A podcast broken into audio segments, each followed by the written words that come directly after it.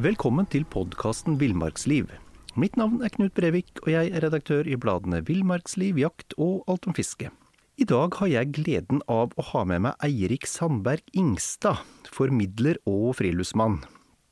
Du er også barnebarn av oppdageren, eventyreren, vitenskapsmannen og forfatteren Helge Ingstad, som blant mye også skrev boka Pelsjegerliv for ganske nøyaktig 90 år siden. Men vi starter med, med deg, Erik. Hva slags vei hadde du inn i det aktive friluftslivet? Nei, altså Jeg er oppvokst i en familie hvor uh, vi hadde hundegård med bikkjer utenfor. Og, og uh, vi dro på tur med de i Nordmarka og i fjellet, og uh, lå i telt på vinter- og sommerstid. Så det var, det var mye ute. Og så tok jeg opp hundekjøringen selv på egen hånd fra sånn tiårsalder, og drev med det frem til jeg var 25. Fra tiårsalder, ja? Ja. Det, jeg husker ti år første gang jeg var ute aleine med et fiskebånd. Og da klarte jeg å kjøre hardt inn i en, tømme, i en, eh, tre, en trestokk eh, på første tur. Så det husker jeg bala med det alene inne i skauen der, ja. Ja, For det er ikke lite ansvar for en tiåring med fire strie, strie trekkhunder? Ja, det var fire Sibirian Husker som, eh, som var, var, var, snille, de altså. Okay. Men jeg husker godt den stemninga aleine der, at det var litt sånn ilddåp. ja, det ser jeg. Det var ilddåp. Ja, ja, det ser jeg. Ble, noe, ble du fisker eller jeger, får jeg spørre om det? Jeg har fisket uh, på si, hobbybasis uh, uh, hele livet. hvor liksom, på fjell, hytta på fjellet, oterfiske på tjernet ved siden av hytta, har liksom vært det som har vært matauken. Og så litt sånn fluefiske attpå, da, okay. som jeg holdt på med. jakt så har det faktisk ikke vært så veldig Altså Bestefappa jaktet ikke så lenge jeg levde. Uh, og han også ga ganske direkte uttrykk for at uh, han så ikke så veldig meningen med å jakte, med mindre det var helt livsnødvendig å gjøre det. Nei. Så, uh, men jeg fant veien inn i jakt gjennom andre venner, og har, har drevet så smått med det. særlig sjøfugljakt fra kajakk har jeg vært veldig glad i. litt harejakt. Og duejakt. Akkurat. Ja. For det er noe spesielt med å spise det man selv har brakt til veie, er det ikke det? Jo, det er det. Det er det. Og den eh, Nå har jeg en sønn på 14 år som har begynt å mase okay. om å ta jegerprøven. Så da eh, har jeg funnet frem børsa igjen og skal, eh, skal, finne veien ut igjen neste sesong, tenker jeg. Ja, ja. ja. Du, jeg, jeg, tenker, um, Var du noen gang i sånne helt unge år inne på tanken om å, i likhet med din eh, bestefar, å kutte, kutte båndet og forsvinne ut på en virkelig, virkelig lang tur? Altså, tanken og fristelsen har, har, jo vært der. Uh, men, men, det var så mange andre ting jeg, eh, jeg liksom På den tiden da det ville vært mulig, da, dere forfulgte. Og, og så var jeg faktisk Bøssappa helt sånn konkret i sitt råd til meg at ikke gjør sånn som jeg har gjort. Uh, ta i hvert fall en utdannelse først. Okay. Så jeg var, jeg var, veldig, jeg var veldig liksom på uh, pliktoppfyllende er, og tok, eh, tok universitet, universitetsstudier. Mm. Og, og, begynte parallelt også å jobbe i NRK, så, uh, så jeg ble liksom penset inn på den uh, linja der. Så, så, ja, tankene har vært der, men, men aldri det der virkelige behovet, tenker jeg, sånn, til å gjøre et sånt veldig definert, stort, gigantisk brudd i livet. Nei. Nei. men jeg er veldig fascinert av folk som gjør det. Ja, og så tenker jeg, skal man, gjøre, skal man, ta det valget, gjøre det, så må det være, føles veldig, veldig sterkt. Ja. Og, og, og så Jeg, jeg syns det er veldig interessant, og jeg, jeg, jeg, liker jo å høre Og jeg jobber jo med en del folk som har vært liksom, i den posisjonen hvor de har tatt det valget. Jeg syns det er veldig spennende å liksom, gå litt inn og se hva er det som liksom, gjør at man, man, man, uh, man gjør det. Altså er det, er det flukt fra noe, eller er det noe man har dratt imot? Uh, ofte er det en kombinasjon av begge de to tingene, og det var det definitivt for, uh, for da. Mm. Eh, for, for, du har også livnært deg av, av formidling og, og, eventyr, eh, Eirik. Eller mer presist innen TV- og filmproduksjon i, i, NRK. Du er jo redaksjonssjef, eh, og du har, du har jobba med en imponerende liste over produksjoner og, og serier. Og, og, som et del av et lag også vært med og vunnet Gullruten. Du har, har vært, med, vært, med, bak Atlanterhavsroerne. Monsen, Monsen og Mattis. Nordkalotten 365 med Lars Monsen. Og Ingen grenser, for å nevne noe. Um, hva, er den mest, den mest krevende produksjonen du har vært med Nå får du bladet Villmarksliv rett hjem i postkassa i tre måneder for kun 99 kroner. I Villmarksliv kan du lese om norsk natur, ærlige tester av klær og utstyr, og mange gode turtips skrevet av erfarne friluftsfolk, fiskere og jegere. Send SMS VILL36 til 2205 og motta bladet allerede neste uke. Lev livet villere med bladet Villmarksliv. Even on a budget, quality is non-negotiable. That's why Quince is the place to score high-end essentials at 50 to 80% less than similar brands. Get your hands on buttery soft cashmere sweaters from just 60 bucks, Italian leather jackets, and so much more. And the best part about Quince, they exclusively partner with factories committed to safe, ethical, and responsible manufacturing. Elevate your style without the elevated price tag with Quince. Go to quince.com slash upgrade for free shipping and 365-day returns. Oi, det er et vanskelig spørsmål. Og nå har jeg jo, akkurat den posisjonen jeg er nå, så har jeg jo vært eh, Har ansvar for eh, ganske sånn store, komplekse ting. Men og, og leder jo et team med helt fantastiske prosjektledere som, eh, som tar den biten der. Men jeg husker det som jeg følte var mest utfordrende, var første gang jeg fikk liksom ansvar for å klippe sammen og lage en historie på egen hånd. Og det var eh, Nordkalotten 365 med Lars Monsen, hvor han var ute i sitt prosjekt, og så ble jeg tatt inn som da etterarbeidsregi, da, eh, og fikk en eh, bærepose med teips eh, jevnlig i posten. Ja. og så prøve å sy sammen dette her, og fikk dette fantastiske materialet. Og da husker jeg jeg kan nesten fremkalle den følelsen nå, den der prestasjonsangsten for at nå nå må jeg lage noe som, eh, som, som står til eh, Ja, som har god nok kvalitet, da. Ja. Så, så jeg, de, den perioden der med Nordkalotten, det syns jeg var eh, Det var veldig utfordrende og veldig, veldig spennende, da. Ja. Og da kaster jeg meg selv litt ut på dypt vann nå, fordi jeg vet ikke, altså jeg jobbet i Underholdningsavdelingen, og jeg hadde kanskje følelsen at jeg var det eneste som hadde vært ute og sovet i sovepose på den tiden. Nå er det jo mange flere liksom, friluftsfolk i avdelingen vår, men så jeg, det var, de pekte mer eller mindre tilfeldig på meg at uh, ta ansvar for dette prosjektet her, og så, og så kastet jeg meg ut i det. Og for, for, for da, da fikk du den følelsen at her sitter jeg på gull. Hvis jeg gjør det rette nå, så sitter jeg på gull. ja. Ja. Ja, altså Lars er jo helt fantastisk eh, formidler og fotograf. Eh, også litt sånn underkjent som naturfotograf, egentlig. Ja. Og jeg syns den, altså, den serien der, ehm, eh, Nordkalotten, er et helt fantastisk eh, sånn visuelt dokument av vår, eh, vår nordligste landsdel. da. Mm, mm. Som, eh, som eh, ja, ja, det var en fryd å, å jobbe med. Men, men jeg tenker helt, helt tilfeldig kan det jo ikke ha vært at du havna på alle disse, disse eventyr, eventyrlige friluftsseriene. Eh, du må jo ha signalisert en liten interesse for området. Ja, altså det var det. Og det var, herregud, man får anledningen til å begynne å jobbe med dette her, så sier man jo ikke nei. Nei, nei. Så, og, og ja, arvelig belastet, helt klart. Og, um, og um, ja, nei, det er Det har, det har måttet vært eh, Jeg har hatt glede av å liksom vokse opp med bestepappa og, og også treffe alle disse eventyrerne som har vært innom og hørt på deres historier og sånn, så jeg føler at det, det falt meg på en måte litt sånn naturlig også å ta tak i dette og gå inn i en rolle hvor jeg, hvor jeg hjalp andre også å formidle disse opplevelsene, da. Mm. Og få det ut til det brede folket, da. Mm. Der tenker jeg liksom Der begynner og slutter kanskje likheten mellom meg og bestepappa sånn sett, at vi begge har jobbet med et slags formidlingsprosjekt av, av, eh, av naturopplevelser. Ja. Ja. Du, hvordan forhold hadde du egentlig til din bestefar? Nei, jeg vokste opp uh, vegg i vegg, nærmest. Så uh, vi løp, jeg løper mellom husene og er der stort sett hver dag. Og jeg, helt siden jeg var liten, så elsket jeg liksom dra opp dit og, og, og, og snakke med de, altså mormor og bestepappa.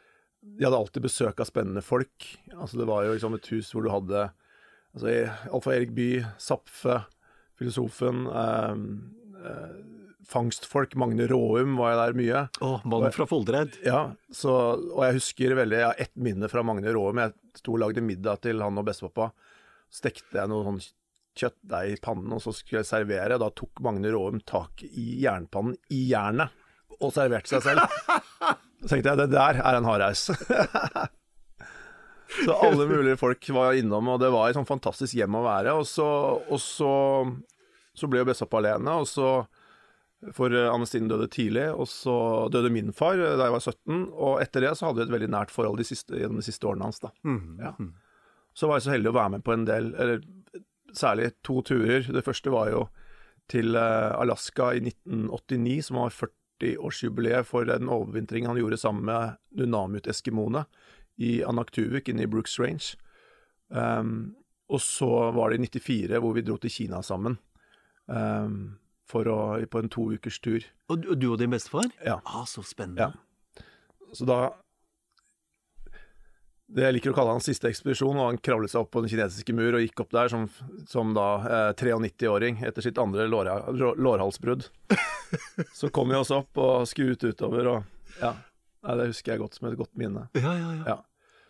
Men, eh, men eh, det var eh, Han var jo så nysgjerrig og levende helt til det siste. Så det var jo virkelig en sånn fryd å, å være der. Ja, for, ja, for det er vel en ting som prega han hele hans liv, en sånn intellektuell nysgjerrighet Ja. På alt. på alt, ja. Ja. Mm. Og det kan være for fra de minste ting som har stått i avisen, til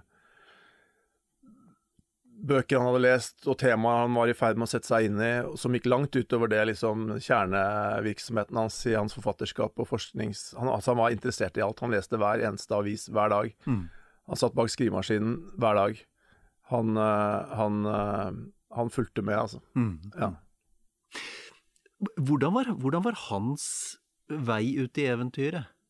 Han, altså, han starta jo, han starta jo på en høyst borgerlig måte og tok seg en utdannelse, så vidt jeg forstår, men så Ja.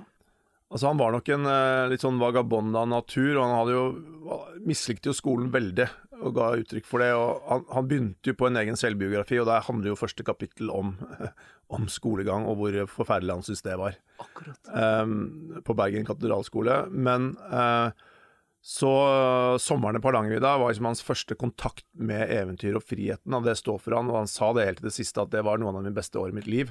Og da dro han sammen kompisen Odd Martens opp på Hardangervidda, som den gangen var en villmark. Det var, det var ikke mange år uh, før så var jo Bergensbanen blitt etablert der. og og de gikk innover. Eh, De var der hele sommeren. De fisket, og så byttet de seg fisk på seterne eh, hvis de hadde lyst på noe annet enn fisk. Og de ble der og levde det frie livet. Og en sommer så ble det faktisk leteaksjon etter dem, fordi at de hadde glemt at skolen hadde begynt, så de ble der.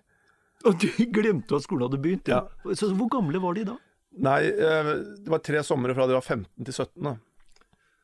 Så, så var de der oppe. Og så Så han, han var nok på vei inn i et sånt litt sånn fritt vagabondliv. Han var kunstnerisk anlagt. Var aktiv i studentsamfunnet eh, på katedralskolen og skrev dikt og var med i diktkonkurranser. Um, så, så, så han var nok eh, på vei ut i en slags sånn Jeg liker å se for meg at han, ble, han ville vært en sånn kunstner, eh, omreisende kunstnerskikkelse. Eh, kanskje litt sånn likt eh, det Nordahl Grieg ble, som jo gikk i klassen under han. Eh, men faren var streng og krevde en utdannelse. Okay. Så han ble sendt til Kristiania for å studere juss. eh, og eh, og ble liksom satt bak skolepulten der, ja. Mm.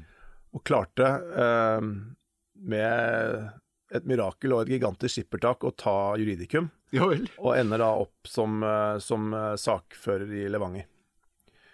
Um, og her er det jo måte det første skrittet mot eventyret begynner, fordi han begynner jo, det begynner jo å gå veldig bra som sakfører der. Eh, han får gode kunder, og han er på vei inn Han sa selv at eh, han var i ferd med å bli rik, og det ga han en sånn klaustrofobisk følelse. Han så liksom livet snevre seg ned mot et slags lineært løp, og moren maste på at han skulle liksom finne seg en, en eh, pike fra borgerskapet og, sette i gang liksom med den på den linja der. Men, det, men, det, men det gir han bare en, en mer og mer følelse av klaustrofobi og en trang til å, å bryte opp, da. Og det er det, det han gjør. Han, eh, i, eh, han selger alt han eier, i, eh, og, og, og bryter tvert.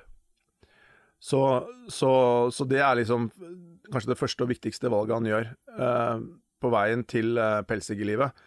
Men, eh, men det er jo en del ting som skjer der som ikke er beskrevet i boka, blant annet at han Eller beskrevet i boka, eller som han beskrev som da han gjenfortalte det i intervjuer og sånn, så, så ga han jo uttrykk for at veien gikk måtte rett ut til eh, kanadiske villmarken, og det var det som var lokket. Men, men det, er jo ikke tilfellet, for han endte jo opp eh, først på, på Frankrikes sydkyst, i Nis, som strandløve, Ja vel.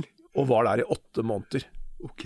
Så, og det er egentlig at Jeg visste jo, han var åpen om at han var der nede i NIS og liksom ventet på liksom, neste steg, men, men jeg har etterkant funnet ut at han var der i åtte måneder, og det syns jeg er ganske sånn underlig og rart, og litt sånn gir en sånn ekstra dimensjon ved hele prosjektet hans, da, fordi Og jeg tror nok egentlig at i første omgang så var det egentlig bare det å komme seg vekk fra forventningene hjemme og ut i verden, og da var eh, NIS en eh, fint sted å være for en ung fyr i sin beste alder fra Bergen, med litt penger i, i lomma. Eh, og eh, han satte inn annonse i lokalavisen en, eh, og søkte etter en fransklærerinne og fikk masse svar, og, og ansatte den eh, peneste av de, og satt og konverserte fransk i parken. Jaha. Og, men drev med harejakt oppe i heiene ovenfor NIS, da, for han hadde fått seg en revolver for å beskytte seg mot røvere. Det hadde han fått eh, anbefalt. Men fortalte om en episode der han ble, ble Politiet var etter ham fordi at han hadde skutt hare oppi, oppi åkrene oppi fjellene der, og bondene hadde, hadde varslet, da. Så det ble litt sånn klappjakt på han, da. Eh, for ja, denne krypskyteren oppi fra Norge med revolver eh, drev og jakta der oppe. Men, eh, men så skjer det en annen ting òg, at han er jo egentlig på vei et helt annet sted. For han eh, møter en, ev norsk eventyrer som vi ikke vet navnet på fordi at han er ukjent, som hadde vært i Mosambik. Som inspirerte han så mye en kveld til at uh, han faktisk kjøpte billett til Afrika. Så han var på vei dit.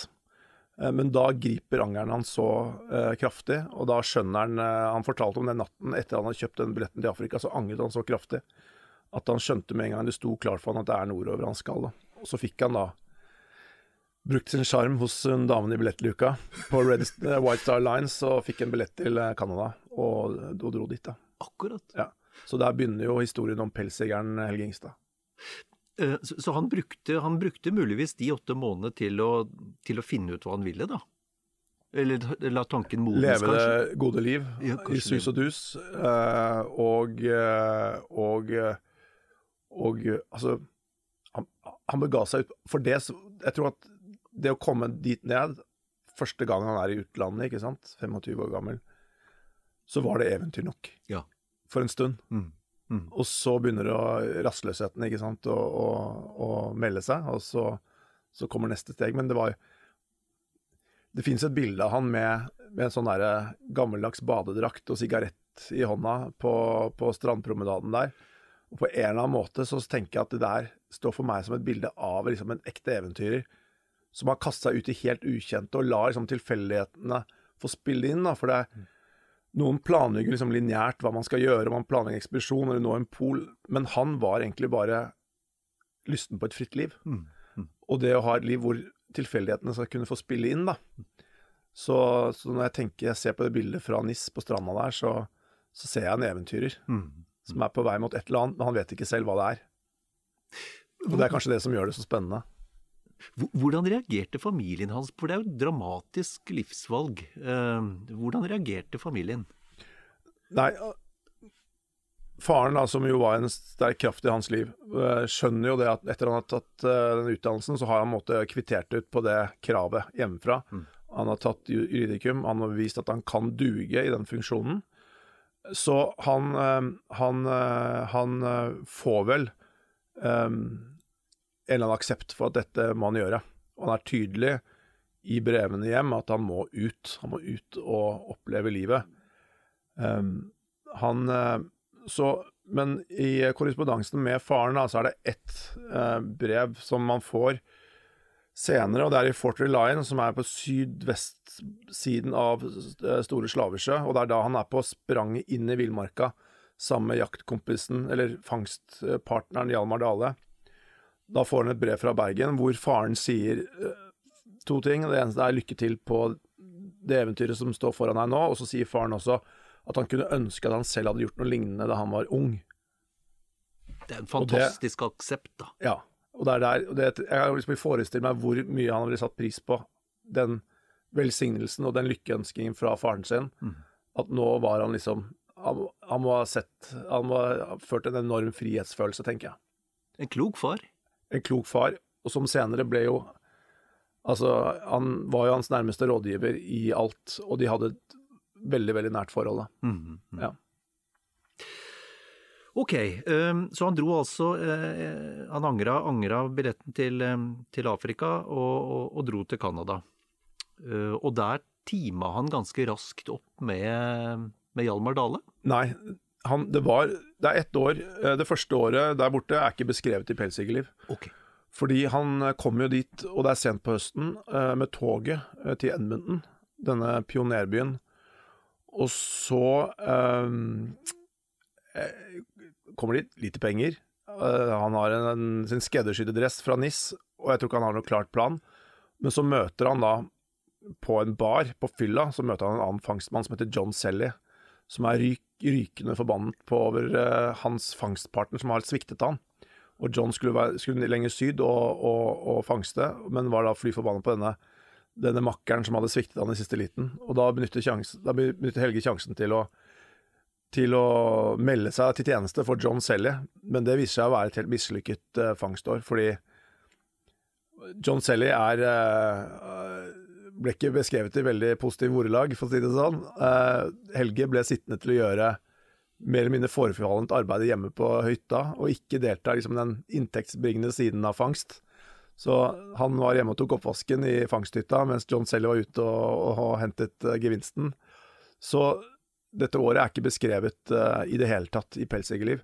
Det er først når han uh, møter Hjalmar Dale i Edmonton.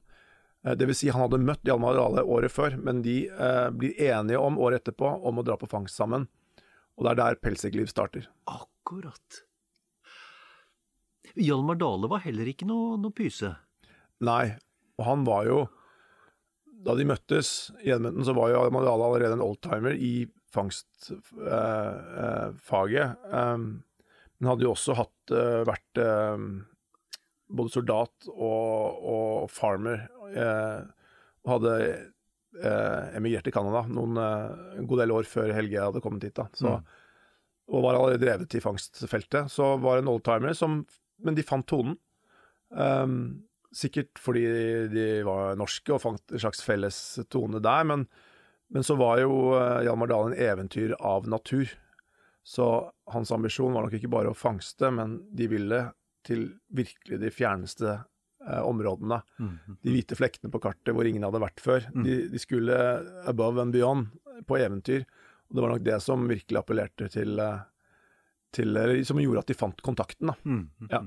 Og så beskrev også alltid Helge Hjalmar Dale som liksom filosofisk anlagt, en grubler. Som kunne liksom eh, være gruble hele dagen og, og, og komme med noen sånne resonnementer som var godt gjennomtenkt, og trodde på reinkarnasjon og var litt sånn filosofisk anlagt. Jeg tror at de fant hverandre i den eh, i den type refleksjoner òg, da. Mm. Mm. Altså, du, du, nevner, du nevner uttrykket 'hvite flekker på kartet', og, og, og det er jo et begrep som det er vanskelig å, å fatte i dag. men, men den gangen så var det jo rent faktisk tilfelle. Ja. Altså, det var områder ingen hadde kartopptegnelser over. Nei. Det var et omriss av kysten, og, og han Besvar fortalte at de kartene han eh, så, altså de, der sto det bare 'unexplored'. Mm. Ja. Så, så det var, eh, det var eh, virkelig nybrottsarbeid. I, I boka så mener jeg også at det er beskrevet et eller annet sted hvordan de får en, en, en, en barkebit med, med, med skisser av et kart. Ja. Eh, det er på det nivået. Det er på det nivået. Det er litt gøy historie òg, fordi at de, de, de, målet den første sommeren var å komme inn på tundraen og lage seg en base og fangste derfra. Men så møter en indianer som forteller om den gamle kanovei, en annen og bedre kanovei til tundraen. Så risser han da inn dette kartet på den barkbiten. Og, men det viser seg å ende opp i et vanvittig kjerr og et motstrøms elveleie som de måtte dra igjennom, som, eh, som var utrolig tungt. Så man kan jo lure på om dette var en spøk fra indianerens side, eller om det var uh, virkelig en gammel kanovei, men uh, ja. Jens Kvernmo er helt eh, fast i sin teori, og at det er at uh, her var det noen som skulle lure de hvite menn litt. Rann, En practical joke, da. ja vel. Ok. Så det, men det er jo da den høsten hvor de finner, finner seg til rette ved det vannet som heter Elgsjøen, og, og bygger den hytten sammen og, Ja. og fangster derfra. Men, men, vi er også nødt til å snakke litt om, om, om disse, disse kara. De, de, er relativt dårlig utrusta. Ja. Uh, de, har, de har det nødvendigste og, og, og bitte lite grann mer, men ikke mye å gå på. Og om å bytte til seg underveis, jobbe seg til eh, utstyr. Ja. Altså, det, det, er en, en, grad, hva skal du si, av, av, av, av utstyr og forberedelse til ekspedisjon som ville vært helt uhørt i dag. Men, men de, de, gikk altså inn i det med, med friskt mot? Ja. Og de, eh, de, begynte jo med tømmerhogst og sjauing, eh, rett og slett. Eh, og det å utruste en fangstekspedisjon. og det tror nå får du bladet Villmarksliv rett hjem i postkassa i tre måneder for kun 99 kroner. I Villmarksliv kan du lese om norsk natur, ærlige tester av klær og utstyr, og mange gode turtips skrevet av erfarne friluftsfolk, fiskere og jegere. Send SMS VILL36 til 2205 og motta bladet allerede neste uke. Lev livet villere med bladet Villmarksliv. Millions of people have lost weight with personalized plans from Noom, like Evan, who can't stand salads and still lost 50 pounds. Salads, generally, for most people, are the easy button, right? For me, that wasn't an option. I never really was a salad guy. That's just not who I am. But Noom worked for me. Get your personalized plan today at Noom.com. Real Noom user compensated to provide their story. In four weeks, the typical Noom user can expect to lose one to two pounds per week. Individual results may vary. Jeg leste i, eh, i eh, Randulf Valles bok at det, det kostet noe i likheten av en halv uh, industriårslønn, kanadisk industriårslønn på den tida. Mm. Og det var det i tillegg til license, så var det jo da ikke sant, hunder, slede, uh, klær, ammunisjon, børse. Så dette De startet mer eller mindre på scratch og sjauet sjauet hele veien oppover uh, Athabasca-elven. Um, og uh, siste, siste byttehandel var jo denne skreddersydde dressen fra NIS, hvor han byttet i en indianer en, en trekkhund med en indianerkone. Så, så, det var de hadde, ingen, de hadde lite å gå på. Mm. Og det tror jeg liksom var, også var en sånn Jeg tror, jeg tror de har funnet en sånn glede i det òg, at det var en del av eventyret også. Du, det åpner, jeg kan tenke meg at det åpner for noen helt andre opplevelser enn om de bare hadde kunnet kjøpe seg en billett opp dit. Mm, mm. De møtte jo folk underveis, og det ble liksom, og de beskrivelsene i boken, de første kapitlene, 'Floden', er jo helt fantastisk mm, beskrivelse. Ja, helt, jeg er helt, helt enig. Men, men, hva var det som ehm, Altså, det, de, de var jo åpenbart uh, tøffe gutter som var Eller ikke Jo, tøffe. Uh, og de var vant til å klare seg selv, og klare seg på lite. Og, og de, de, var eventyrlystne. Um, hvilke andre karaktertrekk kan man kan si disse, disse folka var prega som reiste inn på hvite flekker på kartet med minimalt med utstyr? Nei, altså hvis du tenker på det er jo dette her eh, Dette her eh, litt sånn ulne begrepet eventyrlyst, da. Mm. Og hva er det? Det er jo på et eller annet nivå en aksept av en viss form for risiko. Mm. Uh, en glede ved å begi seg ut i et eller annet som man ikke helt kan se hvor leder hen. Mm. Um, det er vel en eller annen uh, um, evne til å ikke overtenke konsekvensene av hva man gjør, eller overplanlegge, mm. se hva som skjer, og stole på at du klarer å løse situasjonene underveis. Mm. Mm. Um, men, uh, men um, når det gjelder uh, Hjalmar Dale spesifikt, da, uh, som jo ble såpass læremester den første tida der Altså, dette her, livet i Canada er jo helt annet enn sommer på Hardangervidda. Dette her er jo beinhardt og nede i 50 minusgrader, og, og, og virkelig valg du gjør, og konsekvensene av handlingene dine kan jo være fatale mm. veldig fort. da. Mm. Men Hjalmar Dale var jo en veldig god læremester som med tålmodighet lærte å bestepappa i dette livet.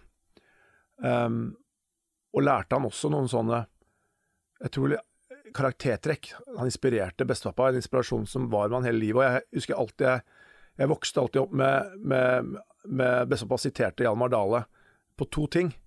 Uh, og det var på engelsk, da. De snakket engelsk, mye engelsk til hverandre av en eller annen grunn. Og det første var uh, 'There's always a way out', som er sant? Optimismen. Du finner alltid en vei ut. Stol på at du klarer det. Uh, og så er det 'do it now', var det andre. Og det, og det, eh, det fikk jeg høre mange ganger, for å si det sånn. Mm. Og beskrev Hjalmar Dale som en person som hvis valget sto mellom det å eh, gjøre et nødvendig eh, ærend eller en nødvendig handling eh, nå, fremfor det å ligge liksom en time eller halvtime ekstra i soveposen, Mhm. så sto han alltid opp og gjorde det med en gang. Akkurat. Han utsatte aldri. Nei. Og det kjente jeg også veldig igjen i, i, i bestepappa. da. -hmm. Den der enorme drivkraften. Og det, og det er vel det som er liksom Det som eh, skiller drømmere fra eventyrere. Mm. At du har en drive i deg til å faktisk gjøre det. da. Mm. Og så må det ha vært en Disse gutta må ha hatt en voldsom sånn stamina. Altså, de skriver jo om de altså, de, de padler en måned av gangen, liksom. Ja. Altså, et, et, vanvittig slit. ja, jeg vet ikke. Ja, slit selvfølgelig. Og, men det er jo påfallende det hvor lite det er liksom vektlagt i pelsjegerliv. Og jeg syns at virkelig en kvalitet med pelsjegerliv ehm, er jo den derre nesten totale fraværet av selvskryt, eller vekting av det dramatiske, det farlige eller det veldig slitsomme, da. Det er kanskje litt sånn den gentleman-aktige tonen som man skulle ha den tiden, men jeg tror at de hadde en eller annen evne til å Jeg kan se for meg at de, hadde, de levde i nuet. Mhm. Så Og slit er jo litt sånn Du sliter jo virkelig når du fokuserer på hvor dette skal ende, eller hvor lenge du må holde med på det, eller altså Den mentale Jeg tror de var i et mentalt uh, felt hvor de egentlig bare tenkte på det som lå foran dem eh, der og da, Mm. og tok hver dag som det kom. Og uh, ja. Så, så, men man hører veldig lite om slitet. Det jeg hørte om, var at han frøs veldig mye den første vinteren. Mhm. Og han fikk jo koldbrann i ene tåa Mm. også. Men det var før han hadde fått ordentlige klær fra indianerne. Mm. Mm. At da var det bomullsklær som ikke var helt vindtette og den, den slags. Ja, ja. Det, det er morsomt det du sier for, eh, om, om, om, eh, om boka og teksten, for det, eh, det er min opplevelse når jeg leser nå, at den er jo kjemisk renskap for selvskryt. Ja. ja. Den er veldig, veldig, den er veldig et, et, et, et rikt språk, men er helt renskap for skryt. Ja. det var jo litt sånn han var. Altså, og han Var det én ting han kunne verdsette hos andre mennesker, så var det beskjedenhet og, og, og liksom Den litt sånn understatement-kunsten, da. Mm. Det var en del av det, hvem han var. Mm. Ja. Så Så det var ikke i hans natur, på en måte, tror jeg. Ja. Du, ja, du har jo nevnt, du har jo selv fulgt i, i, i fotsporene til din bestefar. Um, altså, hvordan opplevde du det, å, å være i de samme områdene? Og, og hvordan opplever du boka i ettertid, når du har vært der? Ja. Nei, jeg fikk jo anledningen i 1998 å bli med over eh, Det var Stein P. Aasheim som inviterte meg. Han og, og, og et par andre eh, skulle over til Canada. Og så lurte på om jeg hadde lyst til å være med. Vi hadde en felles bekjent i NRK, og via den eh, så hadde vi eh, fått kontakt. Da. Og så Og det måtte jeg selvfølgelig si ja til. Um, og så foreslo jeg også at vi Men hva hvis, hvis vi tar og leter etter hytta på, på Elgsjøen, for den var ikke blitt funnet da. Så var det noen som hadde gjort noe research og hadde noen, noen slags indikasjon på hvor den kunne være. da. Eh, Så det ble en del av det prosjektet. Vi dro over, eh, så vi dro over for å finne, og, og, og, og ved en gigantisk porsjon flaks så, så klarte vi å finne hytta, restene av hytta ved Elgsjøen. Så det var jo helt fantastisk. Eh, og litt rart også, fordi det er noe med det å liksom være et sted som du har hatt så sterke sånn, mentale bilder, og du har hørt så mye om det. Mm. Så det var, jeg kan ikke si at det var, litt, det var både fint, og så var det litt rart.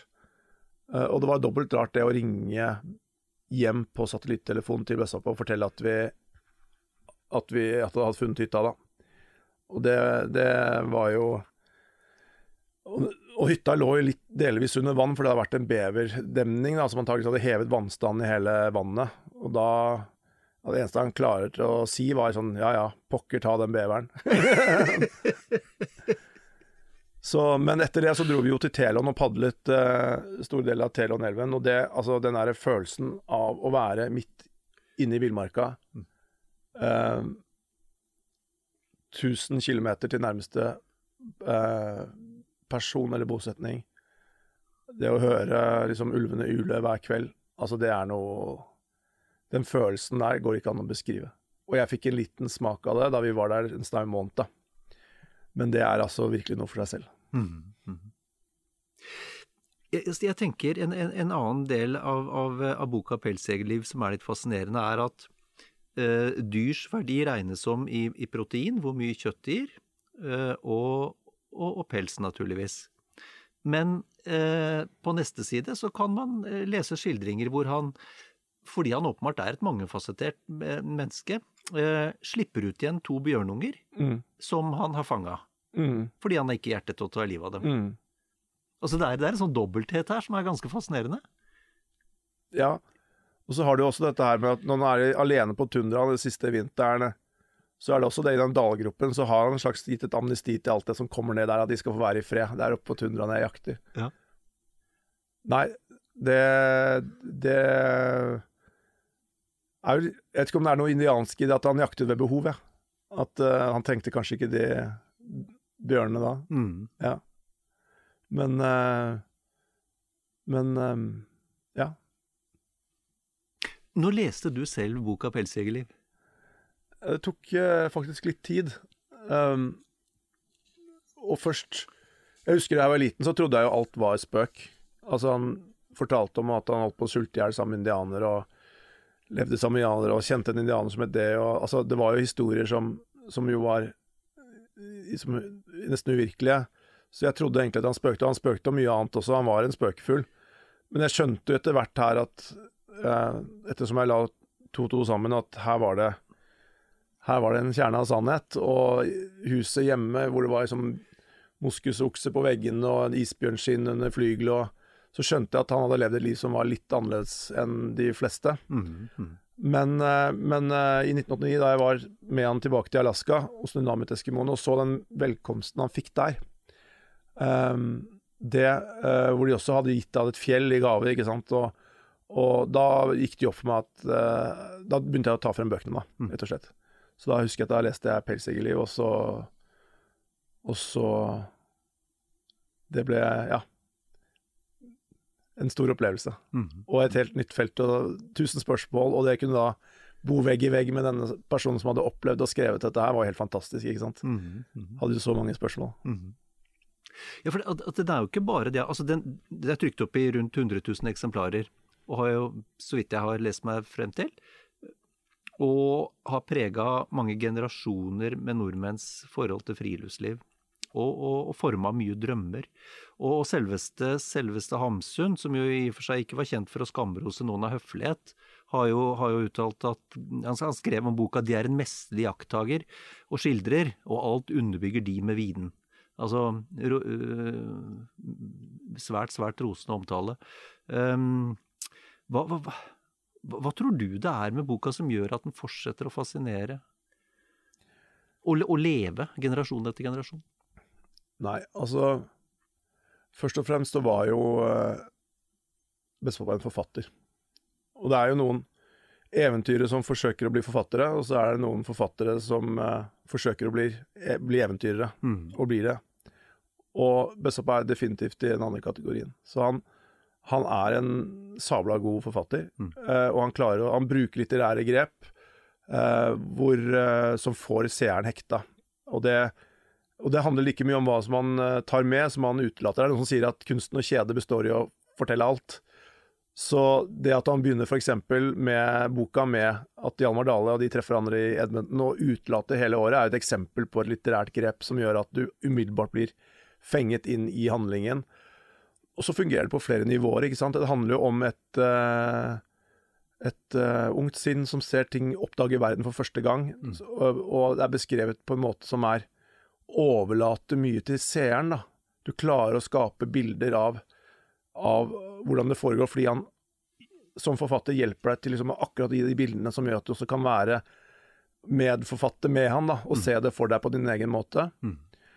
Uh, og så tenker jeg også litt sånn dyp appell i Pelsegliv er, er, er dette om at det handler om en villmark som er i ferd med å gå tapt. Helge, de padlet, Helge og Hjalmar padlet inn i villmarka i kano, og så forlot det med fly. Mm. Og han beskriver allerede liksom i første kapittel at det som nå er i ferd med å skje, er erobringen av det høye nord. Mm. Så det er den derre underliggende følelsen av en slags melankoli. Eh, en eller annen følelse av at dette er siste Siste gang dette skjer eller eksisterer, at det er i ferd med å gå i stykker. De tingene der er liksom subtilt berørt på en måte gjennom boka, går som en strømning gjennom boka, og det tror jeg er også med på å, å engasjere på kanskje et dypere emosjonelt nivå, da, Mm, mm, som historie. mm. Nå er, det jo, nå er det jo to tiår siden Din bestefar gikk ut av tiden, um, og, og du har også blitt uh, uh, en, en voksen mann. Uh, sånn sett i ettertid, er det noe du angrer på at du ikke spurte han om? Uh, ja, mange, mange, mange ting. Og mange detaljer. Jeg kunne ønske jeg liksom fikk en dag til med han. Men er det én ting jeg skal liksom virkelig ønsket å grave mer i, er akkurat den derre Det første trekket, liksom. Når du bryter opp. Og hva var det Denne tiden i NIS, som jeg syns er veldig spennende, egentlig. Mm. Hva var det som egentlig beveget seg i, i, eh, i hodet hans? Hva Mm. var det som går liksom dypere inn i følelsen og grave mer der, og prøve liksom å skjønne For jeg tror den tiden sier et eller annet om hvordan han var sam, satt sammen. da. Mm. Det sier om liksom det spontane, det, det uplanlagte. Den derre viljen til å, til, å, til å la tilfeldighetene få råde. Um, der, der, akkurat der ville jeg eh, likt å hatt en litt eh, grundigere samtale med deg. Mm. Ja. Vi, eh, vi, vi kunne, vi, vi, kunne snakka i dager vi, om, eh, om din bestefar.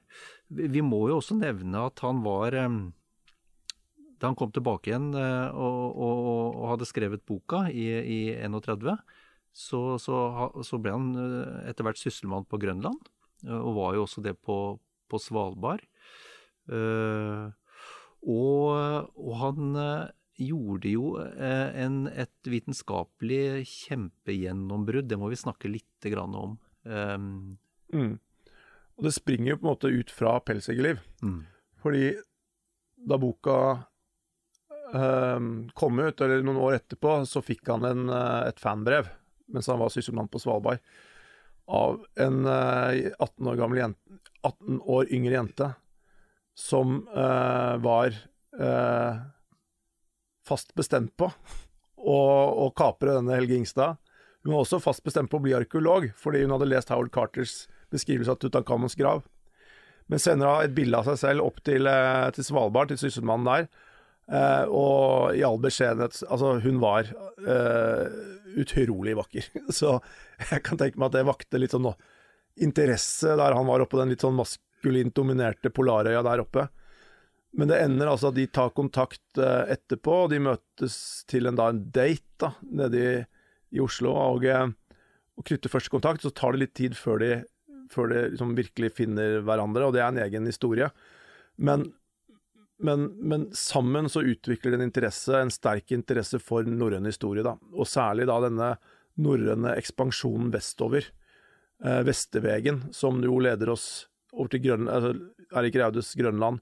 Og så til syvende og sist da eh, oppdagelsen av Amerika. Leif Erikssons eh, langgang i det som sagaene beskrev som vinland, og som eh, ingen hadde funnet eh, restene av eh, inntil at eh, mine besteforeldre, eh, med en eh, ganske ny teori om hvor Vinland kunne ligge, eh, begynte å søke langs kysten av, Newfoundland og Labrador, og finner da restene av en boplass, mm, som per i dag er det eneste da tuftene av norrøn bosetning på Nord-Amerika, og beviser da at eh, vikingene oppdaget Amerika 500 år før Columbus. Så det, det, det er jo deres to felles livsprosjekt som de utvikler sammen, og som blir jo det viktigste eh, i hans liv, da. Blir jo forskningsveien hans. mm, Ja. mm. Men du ser allerede også i Pelsjegerliv at forskeren er i full sving, fordi det er utrolig mange etnografiske beskrivelser av både musikk, seletøy, klær, sleder. Så han er en veldig sånn nøyaktig observatør der, og sa jo selv også til eh, i ettertid at, eh, at den kunnskapen om hvordan urbefolkning levde i pakt med naturen og på naturens premisser, var med, eller var helt avgjørende for han å sette seg inn i de norrøne vikingers situasjon. Fordi de levde i stor grad på de samme premissene. Så han kunne liksom skjønne hva, hva var et godt land for dem, hva var en god leirplass, hva så de etter. Hvordan var liksom mentaliteten deres i forhold til landskapet og måten de levde på. Så det, han hadde bygd seg opp en veldig kompetanse på det, som han brukte inn i, eh, i eh, letingen etter Leif Erikssons eh, Amerika. da. Og, og- og det var heller ingen vitenskapelig oppdagelse som kom lett. Altså Vi snakka litt om stamina i stad. Ja. De holdt på en stund her òg. Nei, altså de holdt på. Det var jo eh, åtte somre med graving etter at de kom på sporet av de første tuftene i 1960, var det vel? Nå ble jeg helt sikkert eh, Det er mulig det er en faktafeil som sniker seg inn her nå, men, men uh, det måtte jo gravinger til. Altså, han selv sier jo det at jeg hadde en følelse med en gang at dette var stedet vikinger ville slå seg til. Han kom til en liten fiskelandsby hvor han møter en fisker som heter George Decker, spør han om det er noen ruiner her, og George Decker viser han disse da bitte små forhøyningene i landskapet.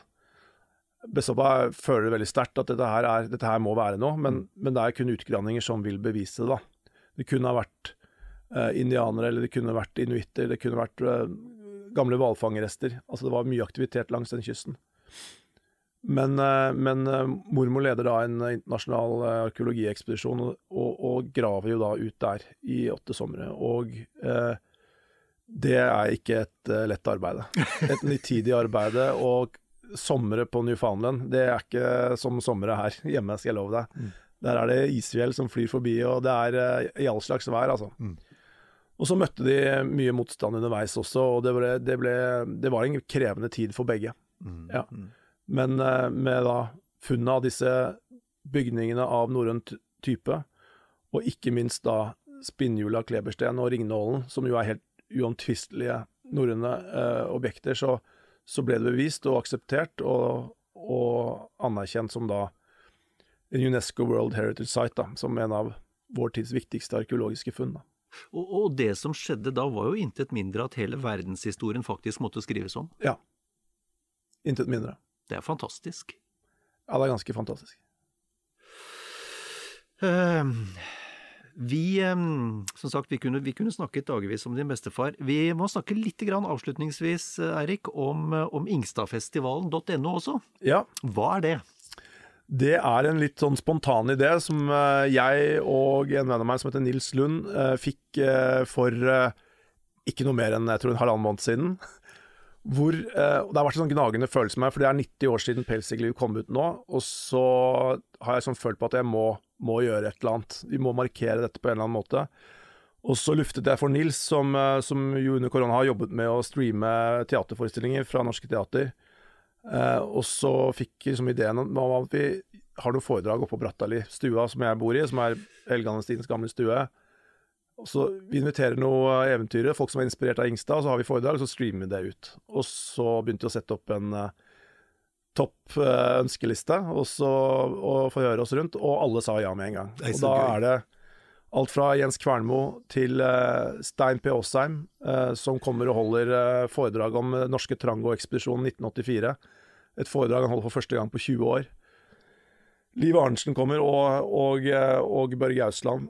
Og dette er alle folk som har vært inspirert av Ingstad, og flere av de var jo oppe og besøkte bestepappa mens han levde, og fikk inspirasjon og råd på veien før de dro ut på ekspedisjon. Så jeg føler Jeg er veldig spent, men jeg er veldig veldig trygg på at dette er 100% i bestepappas ånd. da, At vi gjør det hjemme på Ingstad, eh, Ingstads eh, stue.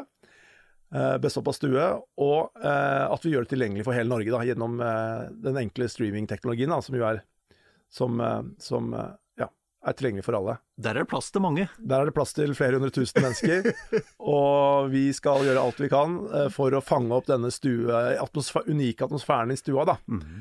Og så skal jeg hente fram noen eh, objekter fra kjeller og loft som ikke har blitt vist før. Fra, fra livet hans. Så jeg sk tror vi skal få til en skikkelig god opplevelse for de som eh, følger med på streamen. Og, og, og du, også, du også holder jo i den grad du har anledning eh, foredrag fra tid til annen. Ja. Ja, jeg, jeg, jeg gjør det når jeg har tid, sånn på fritida og litt utenfor. Det har vært fantastisk gøy å reise rundt og møte folk eh, og fortelle den historien, som jeg og se at denne historien inspirerer fortsatt i vår, vår tid. da. Mm mhm. Men det er noe jeg uh, har uh, holdt på med, og som har hatt litt pause nå i korona, men som jeg skal ta opp igjen uh, nå til neste år, tenker jeg. Litt, I litt større grad. Mm. Og, det, og det, det gleder jeg meg veldig til. Og det er, nå var vi sist i, med, i, eller, i, i Verdalen, jeg og Jens. Vi har også utviklet et foredrag sammen som vi skal holde på Ingstadfestivalen. Og det var jo helt fantastisk å møte liksom, i hjertet av eh, Jeger- og Fangst-Norge. Og, og holde foredrag der for fullt hus på Stiklestad-senteret. Det var virkelig stort. tror jeg på. Så også de som ønsker å komme i kontakt med deg, i hvert fall, de tar kontakt, eller de bare søker opp på ingstadfestivalen.no. Ingstadfestivalen.no. Ja. Der skal det ligge kontakt, eller info om programmet, eh, festivalen. Eh, kontaktinfo til meg. Og, så, ja, og på sikt så skal vi lage en nettside hvor vi skal legge ut mer av arkivet til mine besteforeldre. Da, Mhm. og gjøre det tilgjengelig for flere. Og så tror jeg vi kan avslutte med å si, Eirik, at eh, hvis ikke folk har, har lest boka 'Pelsjegerliv', så er det på høy tid, for det er en aldeles fantastisk bok. Det er eh, helt eh, objektivt så vil jeg si at det er en helt fantastisk bok. Tusen takk for praten. Det var hyggelig. Tusen takk for at jeg kom med.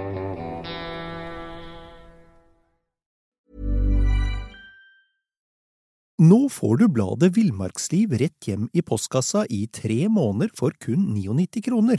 I Villmarksliv kan du lese om norsk natur, ærlige tester av klær og utstyr, og mange gode turtips skrevet av erfarne friluftsfolk, fiskere og jegere.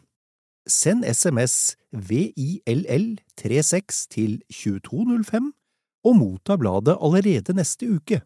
Lev livet villere med bladet Villmarksliv. Planning for your next trip? Elevate your travel style with Quince. Quince has all the jet setting essentials you'll want for your next getaway, like European linen, premium luggage options, buttery soft Italian leather bags, and so much more. And it's all priced at 50 to 80% less than similar brands. Plus, Quince only works with factories that use safe and ethical manufacturing practices. Pack your bags with high-quality essentials you'll be wearing for vacations to come with Quince. Go to quince.com slash trip for free shipping and 365-day returns. Mom deserves the best, and there's no better place to shop for Mother's Day than Whole Foods Market. They're your destination for unbeatable savings, from premium gifts to show-stopping flowers and irresistible desserts. Start by saving 33% with Prime on all body care and candles. Then get a 15-stem bunch of tulips for just $9.99 each with Prime. Round out Mom's menu with festive rosé, irresistible berry chantilly cake, and more special treats. Come celebrate Mother's Day at Whole Foods Market.